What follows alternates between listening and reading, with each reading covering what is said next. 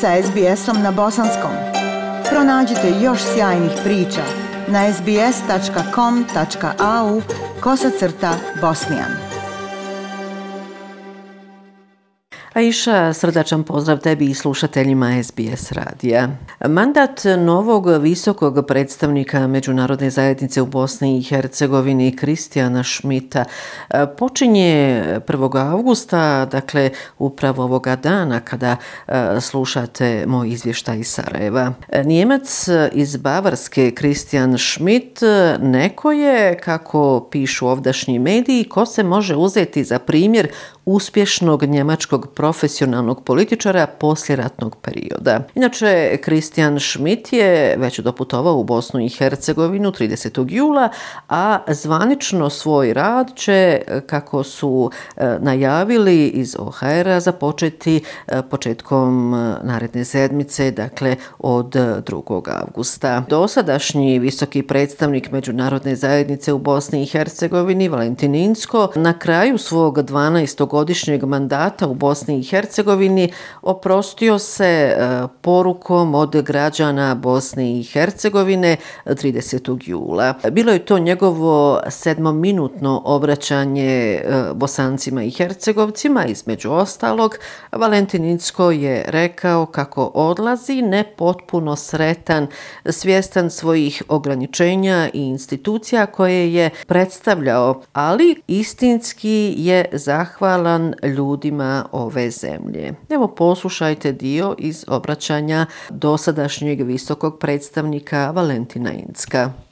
Odlazim nepotpuno sretan, svjestan svojih mankavosti, svjestan i ograničenja kako svojih, tako i institucija eh, koje sam predstavljao, ali istinski zahvalan tolikim ljudima ove zemlje od političara do onih običnih koji su čuvali ljudskost i koji i danas svjedoče da ova zemlja nije puki matematički zbroj veličina, kako što je rekao Ivan Lovrenović, e, zbroj konstitutivnih naroda, kultura, vjera i jezika, nego nešto mnogo više. Ovdje je prisutno čovečanstvo, sveopće bratstvo i sestrinstvo. Žao mi je što neću ostaviti još snažniji trag antiratnika, antijunaka, dakle još jači trag mirotvorca. Bosna i Hercegovina je imala i ima svoje heroje. Ima pravdu za Davida i Dženana, koja je ujedinila čitav region, celu državu. Bosna i Hercegovina je moderna, ali ona je i tradicionalna. Pravi biser u srcu Europe. Anđelski krajevi, bukvalno. Bosna i Hercegovina ima dušu i preživjela je nešto što nijedna država nije u Europi posljednjih decenija. I ko tamo često odlazi ili se vraća, povratak Bosni i Hercegovine je zapravo povratak sebi. Zato ću se i ja stalno vraćati. Hvala vam, dragi bosanci i hercegovci.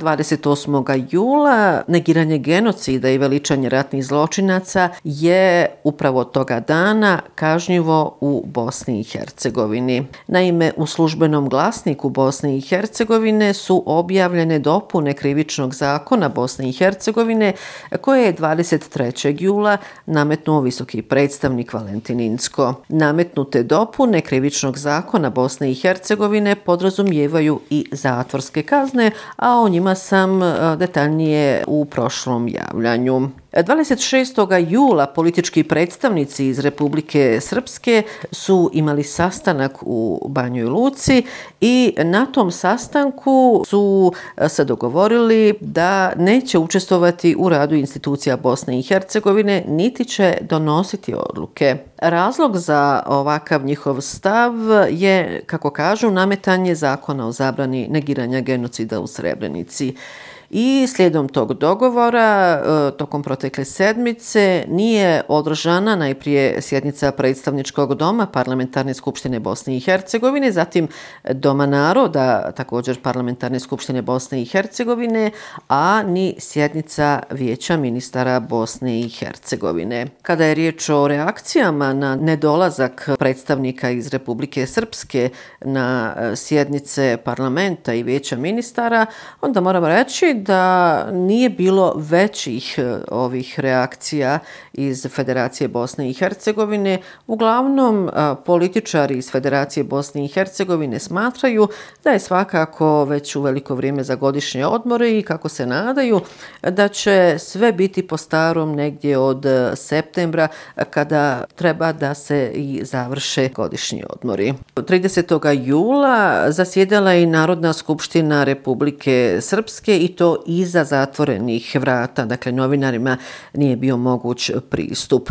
I na toj sjednici Narodna skupština je usvojila prijedlog zakona o neprimjenjivanju odluke visokog predstavnika kojim se donosi zakon o dopuni krivičnog zakona Bosne i Hercegovine. Ovim su političari iz Republike Srpske definitivno pokazali da se i institucionalno protive izmjenama krivičnog zakona Bosne i Hercegovine koje je upravo nametnuo Valentininsko, a kojim se zabranjuje i kažnjava negiranje genocida i drugih ratnih zločina sa prostora Bosne i Hercegovine. Od 83 poslanika prisutna su bila 73, a za je glasalo njih 70, protiv su bila tri člana koalicije za Bosnu i Hercegovinu. Prijedlog zakona ima tri člana u kojima piše da se izmjene krivičnog zakona Bosne i Hercegovine neće primjenjivati na teritoriji Republike Srpske, te da nadležni organi ovog entiteta neće sarađivati sa nadležnim organima Bosne i Hercegovine u pogledu primjene Inskove odluke. Osim ovog prijedloga, poslanici Narodne skupštine Republike Srpske su glasali i o izmjenama krivičnog zakona Republike Srpske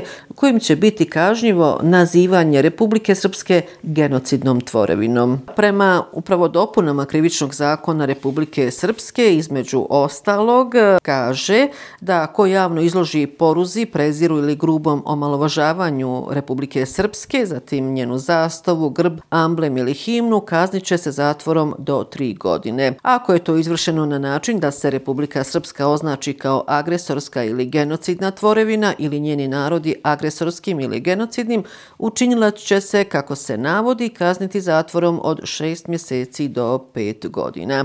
Ima još e, tih dopuna krivičnog zakonika, odnosno zakona Republike Srpske, ali evo ja sam navela samo neke od ovih dopuna. Očito da je na pravosudnim organima i na pravosuđu Bosne i Hercegovine da zaista u narednom periodu e, dobro razmotri sve ove odluke i naravno ostaje pitanje kako će se i na koji način provoditi.